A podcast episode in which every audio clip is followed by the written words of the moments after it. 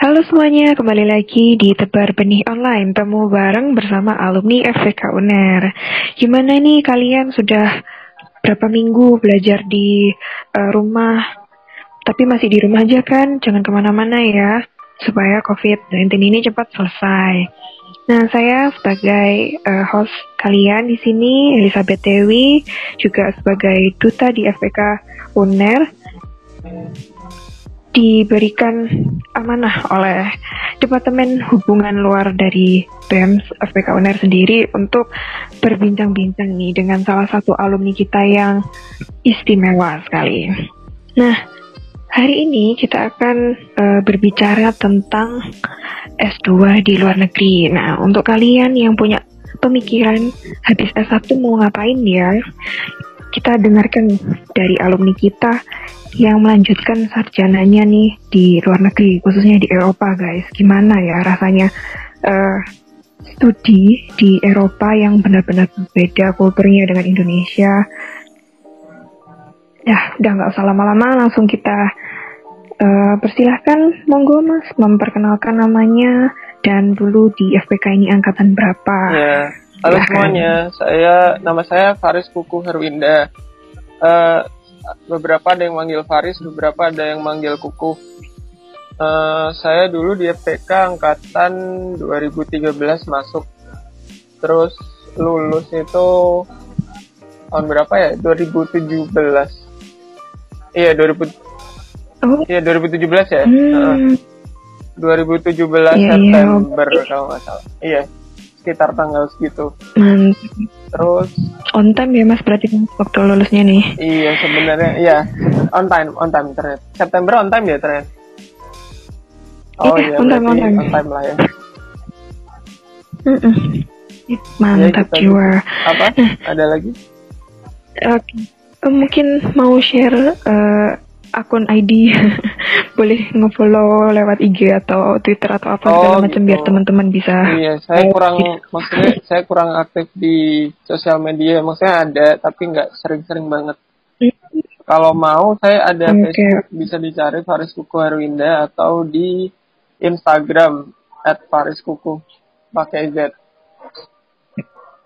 Oke siap guys itu okay. kalau kalian mau follow mau tanya-tanya lebih sama Mas Kukuh ya silahkan di situ. Oke pertama-tama nih saya mau nanya kok bisa Mas ngambil S2 tuh di Eropa di Belanda apalagi ini gimana ini gimana pemikirannya ini maksudnya langsung aku S2 di Belanda kok bisa Mas? Monggo uh, diceritakan. S2 ya, saya bingung juga ya. Saya dulu itu berangkat uh, karena saya seneng apa namanya pas saya satu itu saya seneng banget sama akademik ya maksudnya. Soalnya nggak ada yang bisa saya lakuin lagi selain akademik pas saya satu. Ya di samping organisasi di samping kegiatan lainnya cuman uh, akademik itu bisa kayak misalkan kalian masuk lab terus itu bisa nyenengin gitu loh buat saya pas dulu. Terus akhirnya saya kepikiran pengen kuliah nggak ya sebenarnya? Pengen ngelanjutin kuliah nggak untuk apa namanya entah itu jadi researcher atau entah jadi dosen atau apa yang yang jejak apa tracknya itu di akademik awalnya kayak gitu. Nah seiring berjalannya waktu ya pasti apa namanya uh, hidup itu berubah ya kadang ya. Jadi kadang mempertanyakan apakah tujuannya benar apa enggak dan segala macamnya. Akhirnya ya udahlah akhirnya aku dulu memutuskan untuk kerja dulu lah setelah lulus. Setelah lulus kerja sekitar 1 sampai 2 tahun. Terus setelah itu langsung ngambil kesempatan S2 di Belanda. Saya ngambil sekarang di kuliah di Wageningen University and Research. Itu kalau teman-teman nyari itu di QS Ranking itu uh, kampus terbaik di bidang uh, agriculture ya di dan forestry. Jadi kenapa saya alasannya ke sini ya karena itu salah satunya. Terus pas kerja itu saya juga sembari nyari-nyari kan pertama saya udah keterima tuh beberapa bulan sebelum saya keluar kerja. Nah, beberapa bulan itu saya juga nyari-nyari beasiswa gitu dan alhamdulillah ketemunya sama beasiswa Stunet yaitu dari pemerintah Belanda Nah, hmm. dan ya alhamdulillah nggak tahu ya faktor apa, kayaknya faktor luck juga, tapi ya alhamdulillah keterima gitu. Jadi bisa berangkat tahun 2019 September. Uh -uh. Hmm, baru tahun kemarin iya. ini ya mas ya. Mantap. Nah, gimana nih Mas untuk uh, nyari beasiswanya itu? Mungkin dari link-link apa yang Mas bisa kasih ke teman-teman sekalian ini biar semangat juga melanjutin studinya Kalau nyari nanti. link sih sebenarnya enggak gimana ya sebenarnya itu pertanyaan yang sebenarnya kalau di era sekarang di digital era-era internet sekarang itu nggak perlu ditanyakan sebenarnya.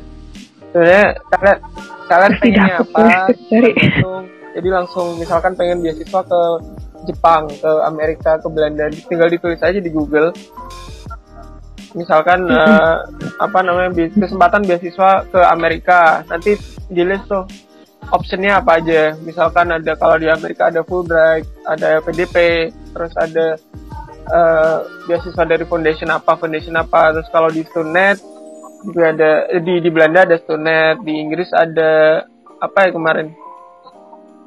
Apa uh, lupa lah. Pokoknya ada lah di Inggris. Terus ada di Australia misalkan AS dan sebagainya ya nah itu sebenarnya bisa di iya, berarti banyak bisa di list tinggal terus dari nama-nama spesifik itu tinggal bisa digali-gali lagi. Di biasanya di websitenya ada atau di website penyedia beasiswanya. Nah dari situ mereka pasti udah nyediain tuh apa requirementnya terus apa apa apa namanya uh, tahap-tahapannya itu apa aja, terus kapan deadline-nya. Nah, kalaupun misalkan deadline-nya ternyata udah tutup, ya sebenarnya tinggal nunggu tahun depan biasanya ada lagi gitu. Tinggal kita uh, ngepas-ngepasin aja nunggunya gimana. Gitu aja sih sebenarnya nyari mah gampang, hmm. banyak di mana-mana. Iya.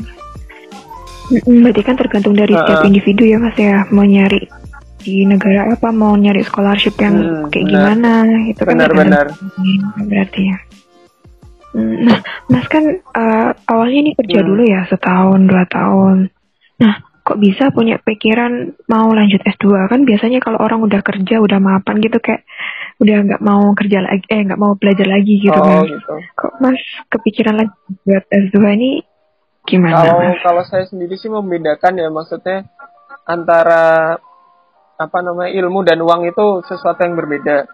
Jadi kalau aku sekolah itu berarti untuk belajar. Kalau untuk belajar itu berarti karena kurang tahu sesuatu atau uh, kemampuanku itu kurang atau pengetahuanku terhadap sesuatu itu kurang. Nah, kalau uang itu ya uang, berarti kita kerja itu nyari uang.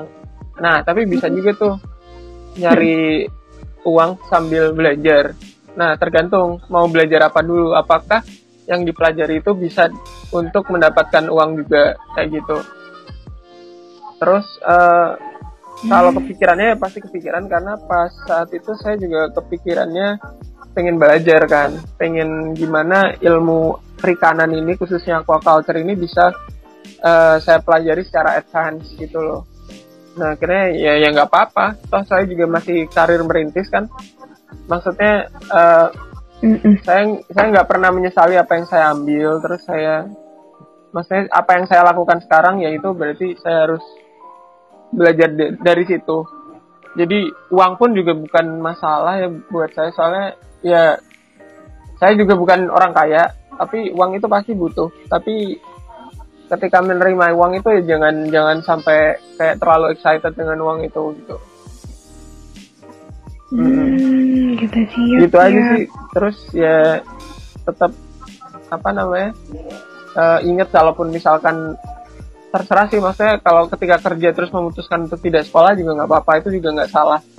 Cuman untuk tetap berada di tujuannya itu ya tetap otomatis tetap harus ingat tujuan kerja apa dulu, tujuan sekolah apa itu semua yang harus diberesin di awal tuh. Kalau nggak jelas biasanya nggak akan berangkat kerja juga nggak jelas berangkat juga berangkat kuliah juga uh, setengah-setengah juga biasanya gitu ya benar-benar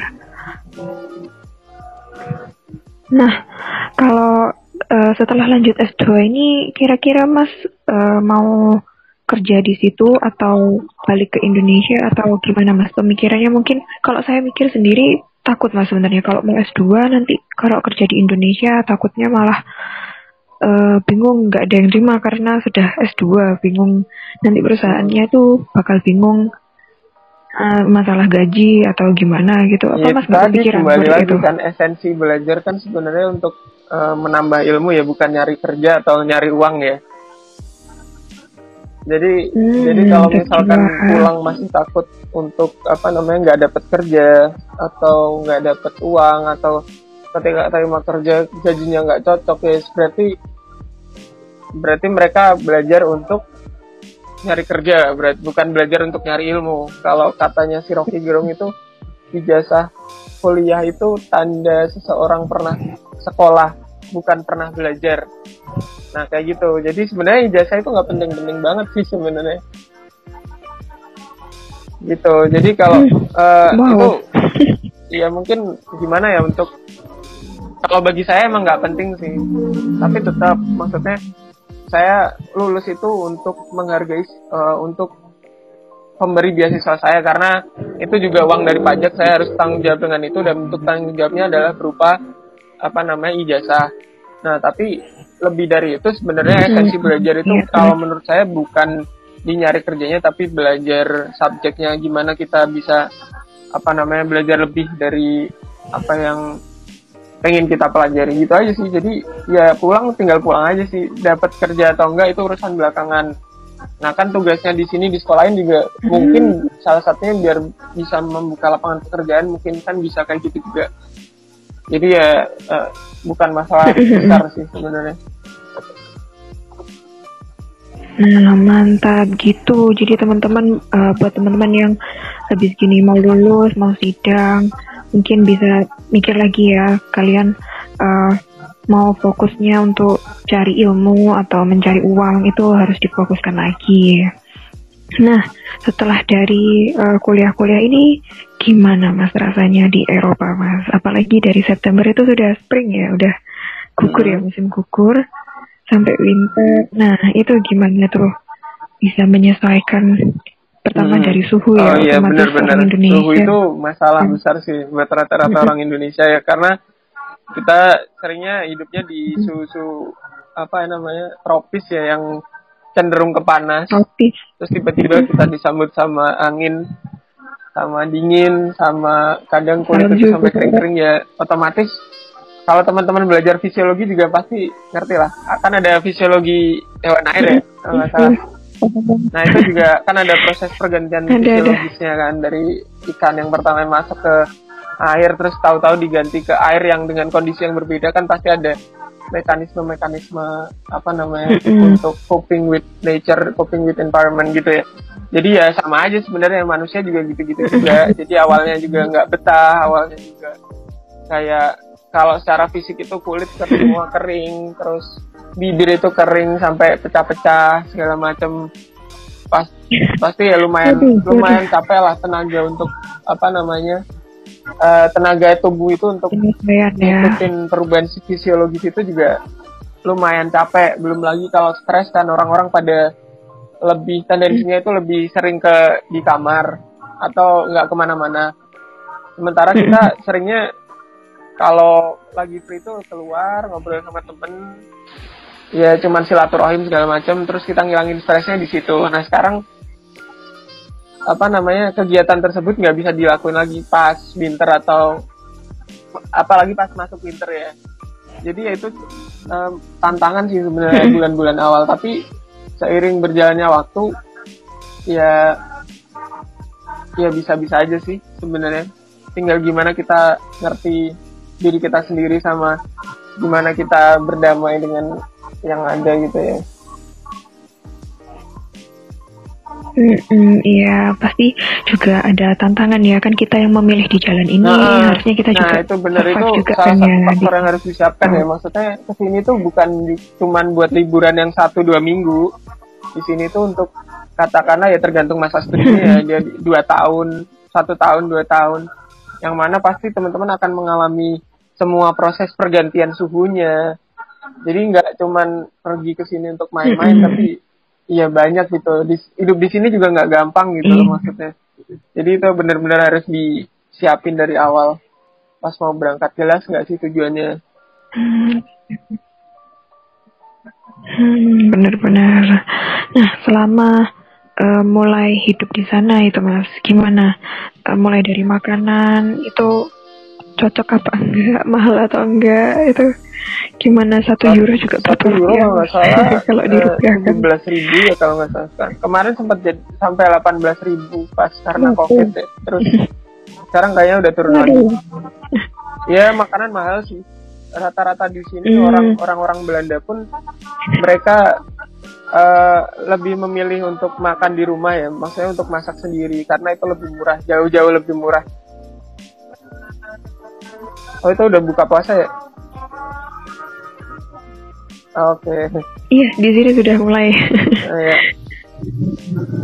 Nah, uh, ya. Uh, apa lagi ya? Mungkin selama berapa bulan di Belanda nih apa ada kendala selain suhu apa pelajarannya mas ya, mungkin S2 itu pelajarannya lebih ya. gimana cuman yang jelas itu kalau yang paling susah menurut saya itu kayak ngikuti ritmenya orang-orang sini gitu jadi orang-orang sini itu serba cepet kalau ngerjain sama uh, kalau kerja itu benar-benar efektif gitu loh kalau orang Indonesia kan biasanya kerja pas malam. Nah mereka itu kalau nggak jam 8 sampai jam 5 atau jam-jam kerja mereka nggak akan kerjakan itu.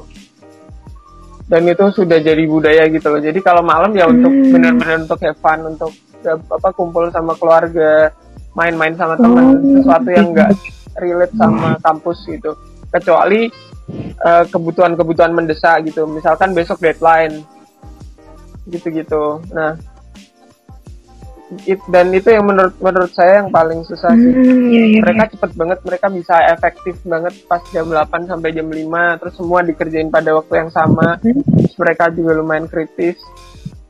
Uh, uh, uh, materinya juga semakin banyak, jadi kompleksitas dari lingkungan belajarnya itu yang kadang uh, bikin kita kadang ngerasa kalau bener gak sih kita sekolah itu, bener gak sih kita kuliah itu. Dan ya itu sih itu tantangannya. Cuman kalau kita mau belajar sih ya aman-aman aja sih Hmm, mantap mantap. Nah, yang pasti selalu ditanyakan oleh teman-teman nih mas, kalau mau sholat ini gimana ini? Apa ada sholat itu sholat, sholat, ada masjid? Sholat gimana bisa. aja kan bisa kan? Iya bisa, mungkin nggak apa ya, pasti, menemukan pasti ada, ada lah, masjid dekat situ atau kalau nggak ada kan pasti juga kalau teman-teman belajar agama kan ada apa namanya ada cara-caranya gimana apa namanya kalau misalkan kita harus sholat tapi di negara yang mayoritasnya bukan Islam kan semua juga pasti ada jadi ya, nggak nggak nggak usah dibingungin nah, sampai aja sih masjid beberapa ada tapi nggak banyak nah jadi Hmm, siap-siap. Berarti bisa dilakukan. Pokoknya kita mau gitu. Nah, aduh udah banyak banget nih dari kuliah sampai di Belanda tuh gimana. Mungkin Mas punya uh, wejangan buat kita yang masih kuliah di S1 ini Mas. Apalagi kuliahnya di rumah ini Mas. Kan beda ya rasanya kuliah di hmm. kampus sama kuliah di rumah aja.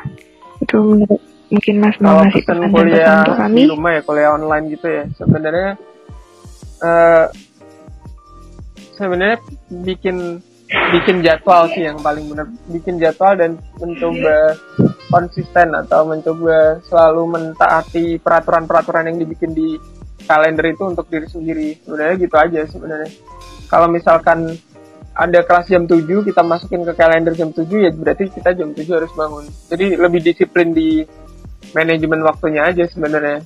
Nah sering kali emang kalau di rumah itu susah banget untuk apa buat buat manage itu. Cuman ya tergantung sebenarnya. Kalau mau males ya males, kalau mau nggak males ya ya bisa menata ulang apa namanya kalendernya. Sebenarnya bukan tantangan gede banget sih sebenarnya. Ya tergantung ya. Kalau saya sih tantangan gede karena saya nggak suka kalau nggak ada tatap muka jadi emang saya harus apa bolak-balik jam tidur tiap hari nggak tidur terus pas, pas pagi saya skip apa namanya tidur siang baru bangun sampai malam sampai pagi lagi saya belajar gitu Jadi tergantung, tergantung per orang. Kalaupun Iya, iya. bisa memanage waktunya pakai tools-tools yang kayak kalender, Google Calendar atau waktu atau bikin kalender yang ada di catatan itu juga bisa digunakan. Tapi poinnya adalah disiplinnya sebenarnya. Nah, itu buat teman-teman yang masih belum disiplin waktu di rumah aja ini kita harus benar-benar nentuin ya jam segini kita mau kelas, jam segini kita mau ngerjain tugas, jam segini kita mau ngapain itu kudu jelas gitu ya pokoknya ya. Mm-mm. Oh iya mas lupa ada satu pertanyaan ternyata waktu COVID-19 ini mas gimana kuliah cara ya sama kuliahnya sih online. di sana ini? biasanya kita ada kan setiap kelas itu juga, biasanya kan? kalau ada rekamannya jadi kal- kalaupun nggak ada covid itu kita bisa lihat rekamannya ulang pas di kelas untuk belajar lagi. Nah kebetulan pas covid ini karena semuanya online jadi Hmm. kita dikasih recording tahun lalu. Kelas tahun lalu itu kayak gimana?